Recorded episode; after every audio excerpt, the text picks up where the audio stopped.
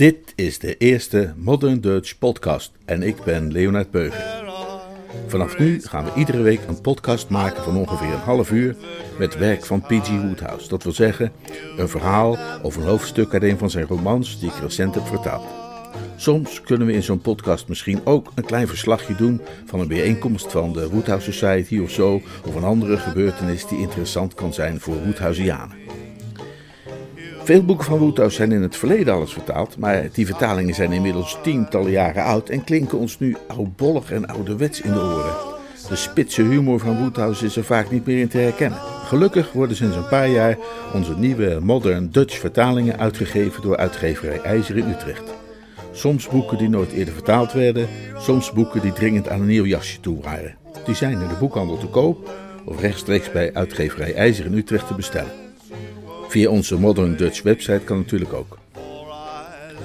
Voor de eerste reeks podcasts hebben we uiteraard gekozen voor Jeeves en de Liefde, de nieuwe vertaling van The Mating Season die begin oktober verschijnt.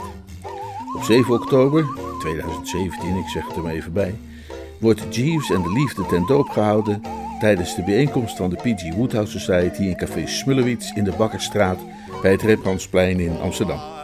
Die vergadering begint om een uur of 1, half 2. Maar nu kunt u dus vast naar het boek gaan luisteren via deze podcast. Veel plezier met Woodhouse. En oh ja, de muziekfragmenten tussen de hoofdstukken door zijn allemaal afkomstig van Bill Brooker's Jug Band.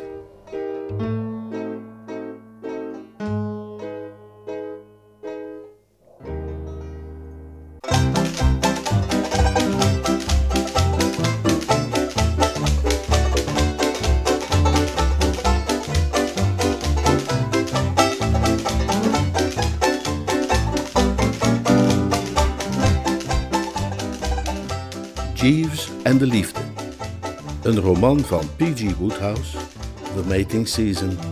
Vertaald en voorgelezen door Leonard Beuger. Hoofdstuk 1 Dat het hart mij letterlijk in de schoenen was gezonken, zou ik niet durven beweren. Maar ik wil best bekennen dat ik met weinig genoegen uitkeek naar mijn detentieperiode op Deverill Hall. Ik zag er behoorlijk tegenop de volgende dag te worden toegevoegd aan een huishouden dat op vriendschappelijke voet verkeerde met een helleveeg als mijn tante Agatha. Te meer daar ik tot mijn verdriet al drie dagen zat opgescheept met haar zoontje Thomas, ook al zo'n semi-humaan schepsel uit de onderwereld. Ik stipte dit even aan bij Jeeves en hij was het direct met mij eens dat de vooruitzichten sprankelender hadden kunnen zijn. Maar goed, zei ik, als altijd op zoek naar het zonnetje achter de wolken, vleiend is het natuurlijk wel. Ja, om zo razend populair te zijn, Jeeves. Om al die lui daar wij willen Woester te horen skanderen, als het ware. Ah, juist, meneer. Inderdaad, zo hoogst bevredigend.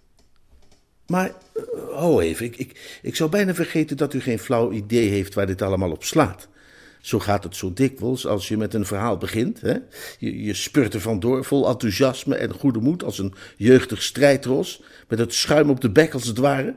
Maar voor je het weet staat de complete cliëntele woedend te krijsen om voetnoten. Ik schakel dus heel even terug om de lezer eerst van de nodige info te voorzien.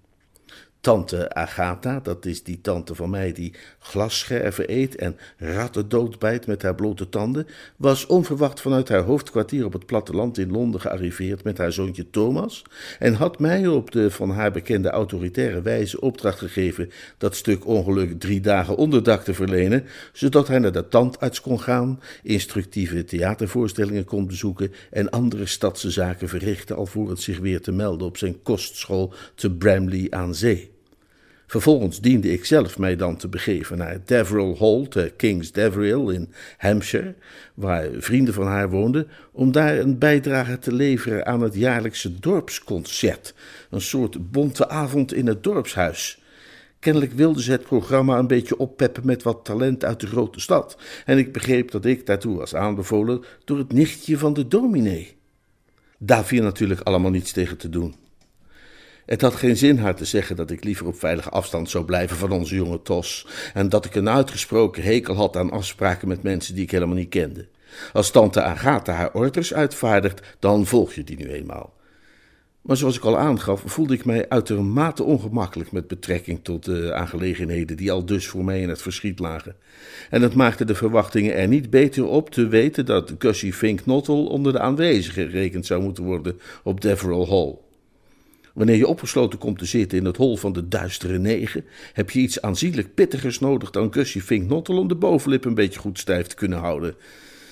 Ik peinsde wat door.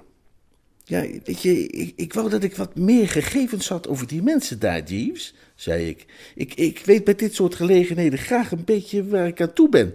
Tot nog toe heb ik alleen begrepen dat ik daar zal verblijven bij een, een welgestelde grootgrondbezitter die Harris heet, of, of Hacker, of misschien wel Hesok. Haddock, meneer. Ah, Haddock. Ja, meneer. Uw gastheer daar is een zekere Mr. Esmond Haddock. Vreemd. Maar die naam klinkt me toch bekend in de oren. Kan ik die wel eens eerder hebben gehoord? Mr. Haddock's vader was de man achter het bekende patentmiddel Haddock's hoofdpijnhelers, waarvoor men overal advertenties ziet, meneer. Wellicht is ook u het middel niet onbekend. Tuurlijk, tuurlijk, ik ken dat spul. Niet zo sensationeel effectief als die katerkrakers van jou, maar zonder meer een betrouwbaar medicijn voor de volgende morgen, als je begrijpt wat ik bedoel. Aha, dus hij is een van die Haddocks. Ja, meneer. Wijlen Mr. Haddock's vader was getrouwd met wijlen Miss Flora Deverill. Ja, voordat ze allebei wijlen waren natuurlijk. Natuurlijk werd door de zusters van Miss Deverill beschouwd als een mésalliance. De Deverills zijn van zeer oude familie, een van de oudste in het graafschap, en zoals veel van die families sterk verarmd. Ja, ik, ik zie het plaatje voor me. Eh, die Haddock, hoewel van vaders kant misschien niet zo deftig, is degene die de rekeningen betaalt. Ja, meneer. Tja, hij kan het zich waarschijnlijk veroorloven. Die zijn puur goud, hè, Jeeves, die helertjes. Dat ben ik ook geneigd te veronderstellen, meneer. Het trof me, als zo vaak wanneer ik met de brave kerel in overleg treed, dat hij zo bliksemsgoed geïnformeerd was. Ik maakte daar een opmerking over en hij legde mij uit dat er sprake was van een gelukkig toeval, waardoor hij in dit geval tot op een wel haast intiem niveau op de hoogte was. Mijn oom Charlie eh, vervult de functie van butler op Devil Hall, meneer. Het is aan hem dat ik deze informatie ontleen. Ik wist helemaal niet dat jij een oom Charlie had, zeg. Charlie Jeeves? Nee, meneer, Charlie Silversmith. Ik stak een tevreden sigaretje op. Een en ander begon me een stuk helderder te worden. Dat is boffen. Dan kun jij me dus alle relevante feiten verstrekken, als, als relevant het woord is dat ik bedoel. Wat, wat is dat voor een oord, die Deverill Hall? Beetje een leuk onderkomen? Vruchtbare landouwen? Vrij uitzicht? Ja, meneer. Verzorgde cuisine? Ja, meneer. En wat de bemanning betreft, is er ook een Mrs. Haddock? Nee, meneer. De jonge heer Haddock is ongehuwd. Hij woont op de hall tezamen met zijn vijf tantes. Vijf tantes? Ja, meneer. De freules Charlotte, Emmeline, Harriet en Myrtle Deverill, alsmede de weledelgeboren vrouwen Daphne Winkworth, de weduwe van wijlen P.B. Winkworth, de historicus. Vrouwe Daphne's dochter, eh, freule Gertrude Winkworth, verblijft, naar ik begrijp, op dit moment eveneens op de gol. Bij het steekwoord vijf tantes waren mijn knieën lichtelijk beginnen te knikken, want de gedachte te worden geconfronteerd met een dergelijke kudde tantes, ook al waren het die van een ander, was beslist zenuwschokkend. Om mentaal overeind te blijven, hield ik mezelf voor dat in dit leven niet zozeer de tantes van belang zijn, als wel de moed waarmee men hen tegemoet weet te treden. Juist, zei ik, het zal ons dus niet aan vrouwelijk gezelschap ontbreken. Nee, meneer. Gussie's gezelschap zal me straks wellicht nog welkom zijn. Is heel goed mogelijk, meneer. Wat dat gezelschap dan ook mag voorstellen. Inderdaad, meneer. Tussen haakjes, ik, ik vraag me af of u zich deze Augustus eigenlijk wel herinnert, over wie ik het nu al een paar keer heb gehad. Probeert u zich hem voor de geest te halen. Zo gek als een ui, een gezicht als een vis, een hoornen bril op zijn neus, drinkt alleen sinaasappelsap, houdt watersalamanders en is verloofd met het tuttigste meisje van heel Engeland, een Madeline Bassett. Heeft u hem weer? Precies, die. Zeg Jeeves, zei ik, op wat voor manier is Gussie eigenlijk bekend met dat gedierte daar? Het is toch eigenlijk wel een tikkeltje merkwaardig dat hij nu toevallig ook net verwacht wordt op Devil Hall, of niet? Nee, meneer, de zaak laat zich eenvoudig verklaren. Mevrouw Daphne Winkworth is Miss Bassett's peettante. En Miss Bassett wil Mr. Finknottel graag aan haar voorstellen, daar ze hem nog niet eerder heeft ontmoet. Heb je dat ook van je oom Charlie? Nee, nee, Mr. Finknottel zelf heeft mij dat meegedeeld. Dus je hebt hem gesproken? Ja, meneer, hij, belde terwijl u uit was. Hoe ging het met hem? Hij was nogal somber, meneer. Hij ziet waarschijnlijk net als ik nogal op tegen een bezoek aan dat spookhuis, aan, aan dat griezelkabinet. Ja, meneer. Hij had verondersteld dat Miss Bassett hem bij zijn bezoek zou vergezellen, maar zij heeft haar plannen op het laatste ogenblik gewijzigd om te gaan logeren in huizen de Lorken op Wimbledon Common, bij een oude schoolvriendin van haar die onlangs een ernstige teleurstelling te verwerken heeft gekregen op het gebied van de liefde. Miss Bassett meende dat zij enige mentale ondersteuning verdiende. Ik begreep niet hoe het gezelschap van Madeline Bassett voor iemand mentale ondersteuning kon betekenen, want zij was van haar kruin tot in haar schoenpunten een absoluut hopeloos geval, maar dat zei ik niet hardop. Ik, bracht uitsluitend de mening naar voren dat Gussie daar wel behoorlijk nijdig over geweest zou zijn. Jazeker, meneer. Hij uit een aanzienlijke ergernis over die wijziging van plan. Ik kon uit zijn opmerkingen, want hij was zo vriendelijk mij in vertrouwen te nemen, zelfs opmaken dat een en ander geresulteerd heeft in een zekere verkoeling tussen Miss Bassett en hemzelf. Nee, toch? zei ik. En ik zal u uitleggen waarom ik zo geschokt reageerde. Als u zich Gussie Finknottel herinnert, dan weet u vast en zeker ook nog wel welke reeks van omstandigheden er ooit toe had geleid dat die verschrikkelijke meid van Bassett de volstrekt onjuiste indruk in haar watte hersens had gegrift, voor zover zich daarin iets laat griffen, dat Bertram Wooster een hopeloze liefde voor haar koesterde. Ik zal de details niet voor u uitspellen, maar zij was er in elk geval van overtuigd dat als zij ooit haar relatie met Gussie zou afbreken, zij maar met haar vingers hoefde te knippen om mij te doen aanrennen, klaar om de trouwe ambtenaar te gaan regelen en de bruidstaart te bestellen. Mijn opvattingen met betrekking tot M. Bassett kennende, zult u dus begrijpen waarom Jeeves' opmerking over een zekere verkoeling tussen haar en Gussie mij een welgemeend nee toch ontlokte. De dreiging die mij boven het hoofd hing, was ik mij voortdurend bewust gebleven, en ik zou mij ook nooit helemaal gerust kunnen voelen voordat die twee werkelijk aan de voet van het altaar stonden. Pas wanneer de voorganger van dienst het definitieve vonnis zou hebben uitgesproken, zou Bertram weer frank en vrij durven ademhalen. Nou ja, zei ik met een positieve insteek, ongetwijfeld een kleine oneenigheid onder gelieven. Die komen veel voor, hè? Kleine oneenigheden onder gelieven. Waarschijnlijk hebben ze zich inmiddels alweer van harte verzoend en is de goedgunstige liefdeschot weer als van ouds en met dubbele inzet aan de slag. Aha, vervolgde ik, terwijl de bel aan de voordeur lustig klingelde. Er staat iemand op de stoep. Als het onze jonge Tos is, zeg hem dan maar dat hij om 19.45 uur gepikt en genageld gereed dient te staan om mij te vergezellen naar een voorstelling van Koning Lear in het Old Vic Theater. En dat hij niet hoeft te proberen er onderuit te komen. Zijn moeder wil dat hij naar de Old Vic gaat en dat zal gebeuren ook. Het is waarschijnlijker dat uw bezoeker de heer Purbright is. Ja. Vriend Catsmeet, waarom denk je dat? Hij is al eerder langs geweest tijdens uw afwezigheid en belooft het later nog eens te proberen. Hij was in gezelschap van zijn zuster Miss Purbright. Nee, maar, Corky, echt waar. Ik dacht dat zij in Hollywood zat. Ik begrijp dat zij naar Engeland is teruggekeerd voor de vakantieperiode, meneer. Heb jij haar thee aangeboden? Ja, meneer. Jongeheer Thomas is als gastheer opgetreden en Miss Purbright heeft hem vervolgens meegenomen naar de bioscoop. Wat jammer dat ik haar gemist heb. Ik heb Corky in geen eeuwen gezien. Ging het goed met haar? Ja, meneer. En Catsmeet, hoe was het met hem? Hij was heel somber, meneer. Nee, nu haal je hem door de war met Gussie. Het, het, was Gussie, weet je nog wel, die zo somber was. Uh, Mr. Purbright evenzeer, meneer. Tja, schijnt nogal wat somberheid te heersen dan, tegenwoordig. Wij leven niet in een gemakkelijke tijd, meneer. Dat is waar. Maar goed, Jeeves, laat hem binnen.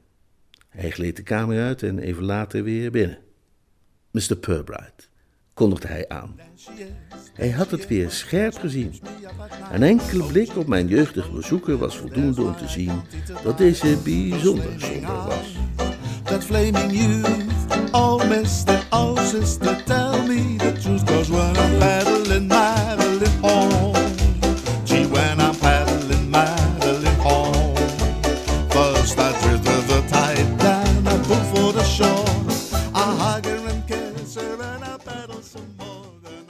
Hoofdstuk 2 En bedenk wel, het is niet vaak dat men de betreffende jongeling in die stemming aantreft.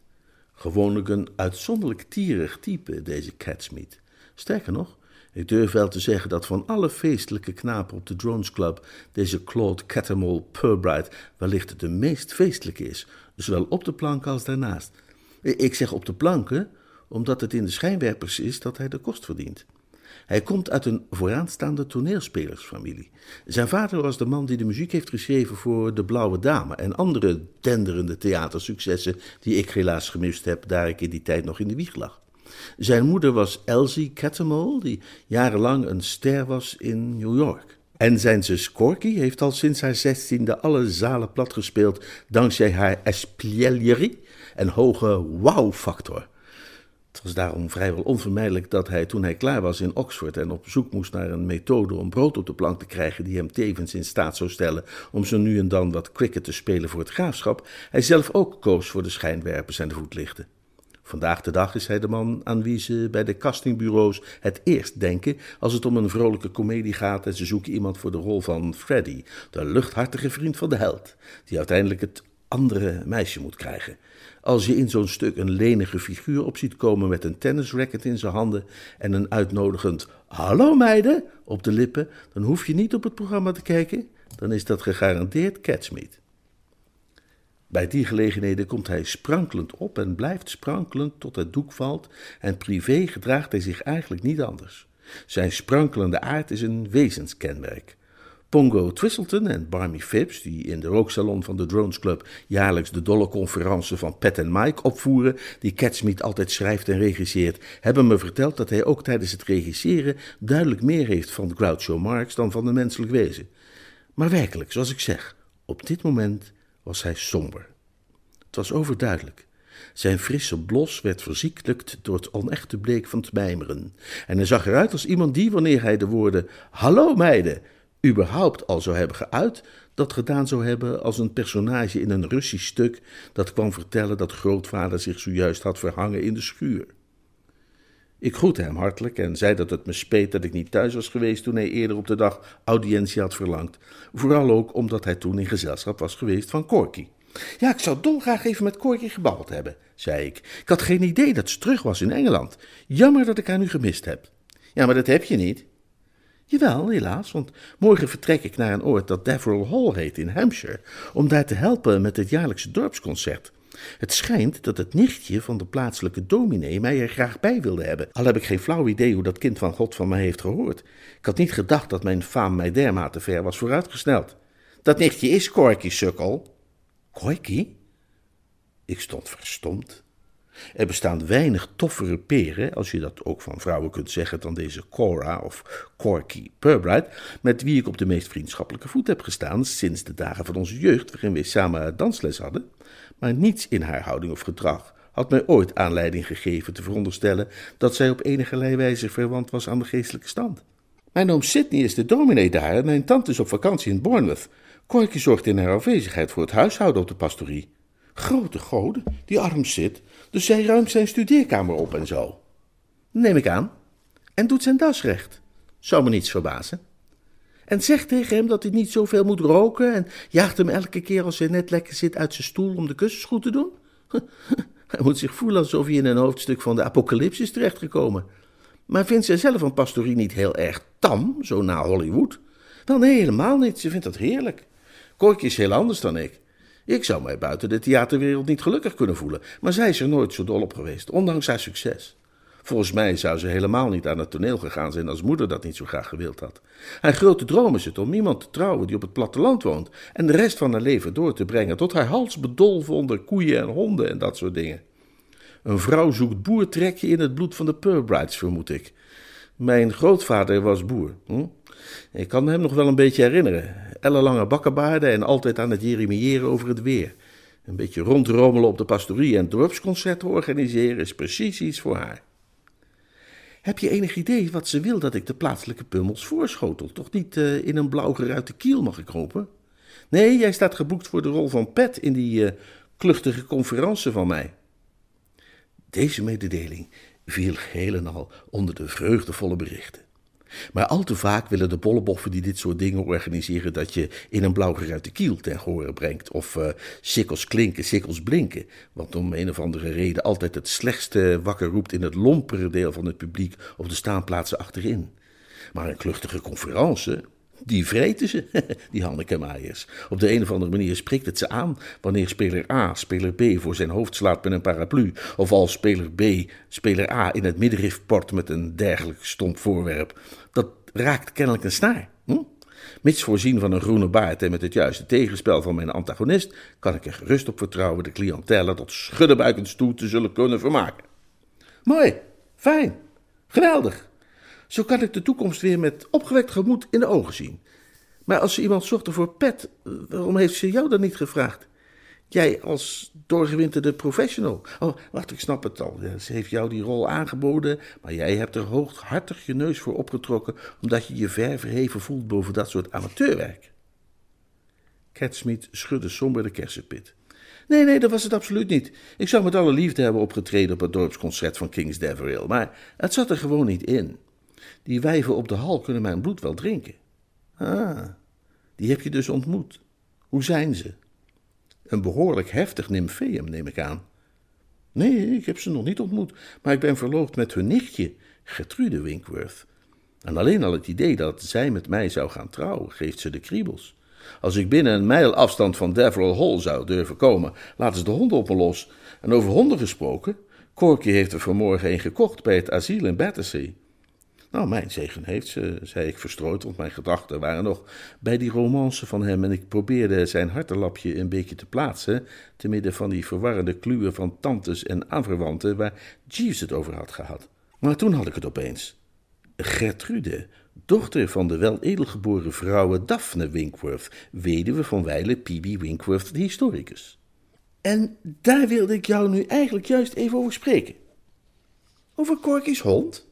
Nee, over die Gertrude-geschiedenis. Daar heb ik hulp bij nodig. Ik zal je het hele verhaal vertellen. Toen Catsmeet binnenkwam, had ik hem voorzien van een gastvrije whisky met plons. En daar had hij op dat moment misschien een paar nipjes en een enkele teug van genuttigd. Maar nu sloeg hij het restant in één keer achterover. Dat leek de juiste klappen te geven, want met die stimulans achter de kiezer kwam hij opeens helemaal los. Ik wil eerst even duidelijk maken, Bertie, dat sinds de eerste mens zich uit de oersoep naar boven heeft geworsteld en het leven op deze planeet een oorsprong heeft genomen en nooit iemand zoveel van iemand anders heeft gehouden als ik van Gertrude Winkworth. Ik noem dit omdat ik wil dat je beseft dat het hier niet gaat om de eerste de beste vakantieliefde, maar om het echte West End work. Ik hou van haar. Dat is mooi, dat is eh, prima. Mhm. En waar heb je haar ontmoet dan? Bij mensen in Norfolk. Daar deden ze iets van amateurtoneel en mij hadden ze ingehuurd om dat te regisseren. Mijn god. Die schemeravonden daar in de tuin, met de laatste fluitende vogels in de bosjes en de sterren die tevoorschijn beginnen te komen. Ja, ja, nee, dat is oké, okay, Catsmeet, ga door. Ze is geweldig, Bertie. En waarom ze van mij houdt, ik kan het niet bedenken. Maar dat doet ze dus wel. Oh ja, reken maar. We hebben ons verloofd en vervolgens is zij naar Deverill Hall gegaan om haar moeder van het nieuws op de hoogte te stellen. Maar wat denk je dat er gebeurde toen ze dat deed?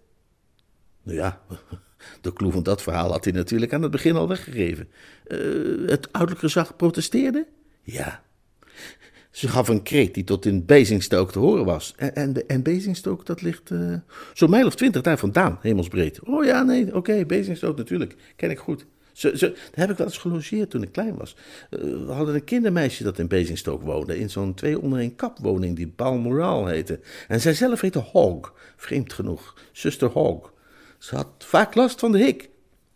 Catsmeet raakte enigszins gespannen. Zijn houding leek sterk op die van een dorpeling achter in de zaal die in een blauwgeruite kiel hoort inzetten. Zeg Bertie, zei hij. Kun je niet even ophouden over kindermeisjes, zeg? En over Bezingstoke al helemaal. Dat kindermeisje van jou kwam van mij de boom in en heel Bezingstoke erbij. Waar was ik gebleven? Nou, we waren gekomen tot waar vrouw Daphne Winkworth een kreet slaakte. Oh ja, zwaar.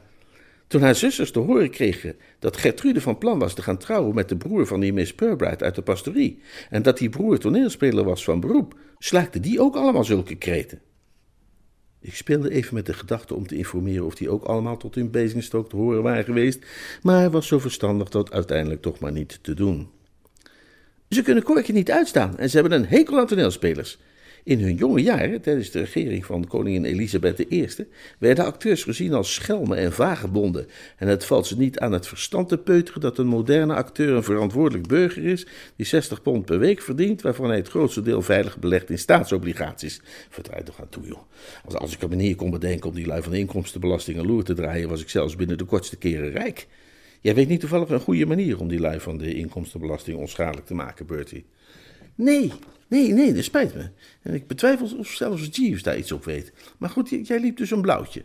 Ja, ja. Ik kreeg een treurige brief van Gertrude dat ze het uitmaakte. En dan vraag jij misschien, waarom ben je niet gewoon samen vandoor gaan? Ja, dat wilde ik inderdaad net vragen. Nou, dat kreeg ik dus niet voor elkaar bij haar.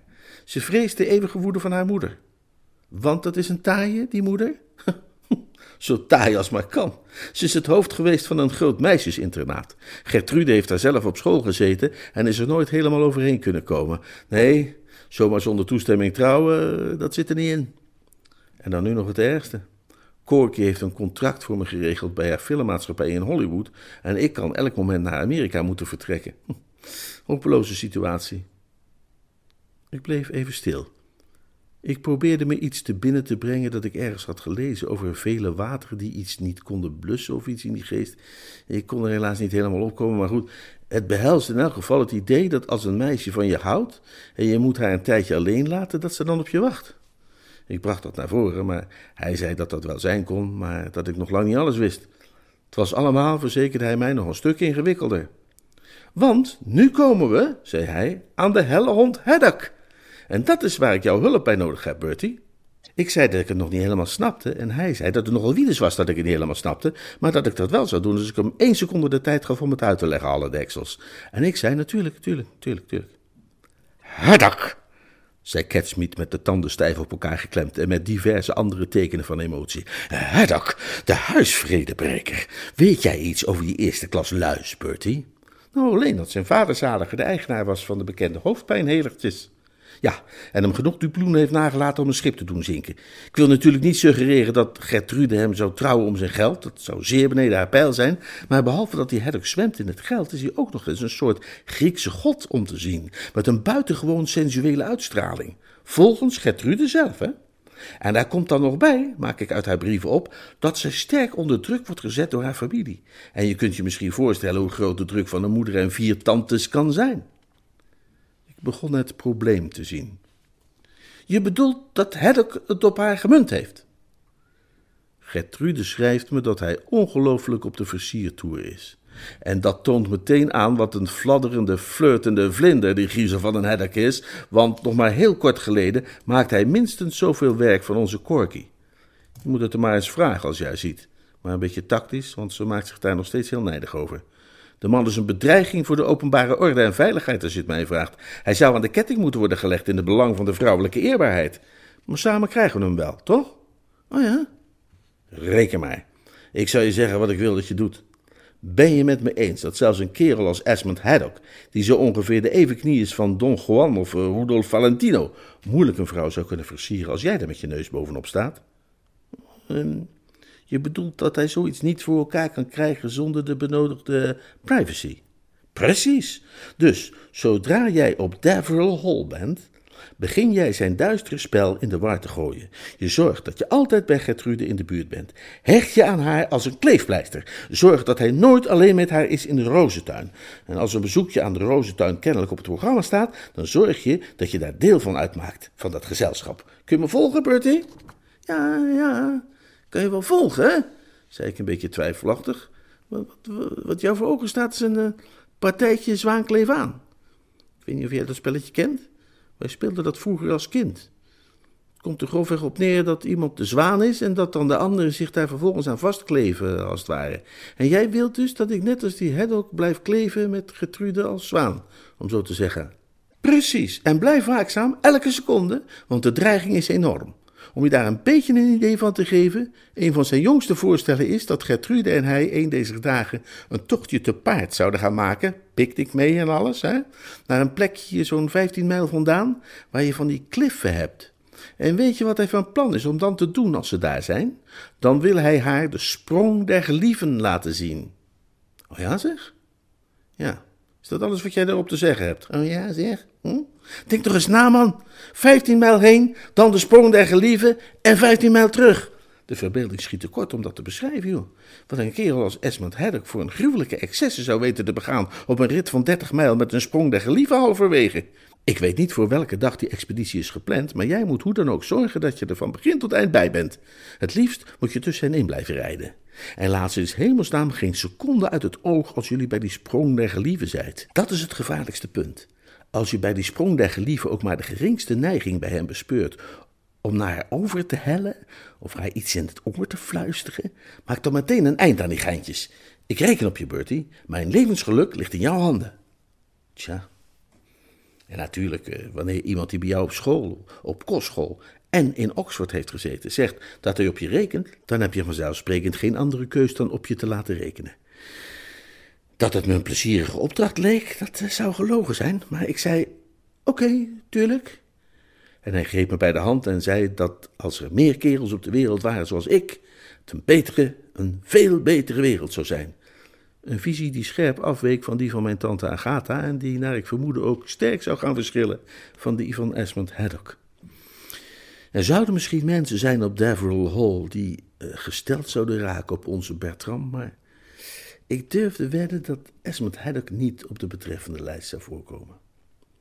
Je hebt me aanzienlijk gerustgesteld, zei Catsmeet, nadat hij mijn hand had losgelaten, opnieuw gegrepen en gedrukt. Te weten dat jij ter plekke bent en als een nijver bij in mijn belang aan het werk ben, maakt alles uit. Ik heb al een poosje heel slecht kunnen eten, maar vanavond ga ik van de maaltijd genieten. Ik zou alleen willen dat ik iets voor jou terug kon doen. Oh, maar dat kun je ook, zei ik. Er was me een gedachte te binnen geschoten, ongetwijfeld doordat hij de maaltijd genoemd had. Sinds Jeeves me had verteld over de afkoeling die was opgetreden tussen Gussie Fink en Madeline Bassett, had ik me geen klein beetje zorgen gemaakt bij de gedachte aan Gussie alleen aan de avondmaaltijd. Ik bedoel, je weet hoe het is als je na zo'n oneenigheid tussen gelieven alleen aan tafel zit. Bij de soep begin je al te somberen over zo'n meisje en je af te vragen of het niet sowieso al een domme streek was geweest om het met haar aan te leggen. Bij de vis wordt dat gevoel al veel sterker en voordat je de poulet rôti au cresson achter de kiezen hebt en koffie wilt bestellen, ben je waarschijnlijk al tot de definitieve conclusie gekomen dat ze een mispunt is en een lastbak en dat het waanzin zou zijn om haar te contracteren als levensgezel. Wat een mens bij dat soort gelegenheden nodig heeft is aangenaam en levendig gezelschap, waardoor sombere gedachten kunnen worden verjaagd en ik zag hier een kans om Gussie van dat soort gezelschap te voorzien is inderdaad iets wat je voor me kunt doen, zei ik. Jij kent toch uh, Kusje? Hij is somber gestemd en er zijn redenen waarom ik het prettig zou vinden dat hij vanavond niet alleen in een hoekje gaat zitten piekeren. Wil jij niet vanavond met hem uit eten gaan? Catsmeet beet op zijn lip. Ik begreep wat er door hem heen ging. Dat was ongetwijfeld de voor de hand liggende gedachte dat een eerste vereiste voor een gezellig etentje uiteraard is de afwezigheid van Gussie F.N. Uit eten? Met Kussie, Fink, Nottel, ik? Ja, precies. Waarom doe je het zelf niet? Nou, mijn tante Agatha wilde dat ik vanavond met haar zoon Thomas naar het Old Vic Theater ga. Nou, dan zeg je dat toch af? Onmogelijk. Zou me tot in de eeuwigheid worden nagedragen. Hm, ja. Nou ja, goed, oké. Goed dan. Ontzettend bedankt, Catsmeet, zei ik. Het probleem Gussie kon ik dus uit mijn hoofd zetten. Het was met opgewekt gemoed dat ik mij terugtrok voor de nacht. Hoe weinig vermocht ik te beseffen dat de grauwe ochtend, zoals dat wel genoemd wordt, voor mij in haar schoot verborgen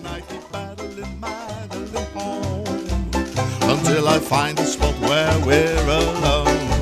Oh, she never says no, so I kiss her go.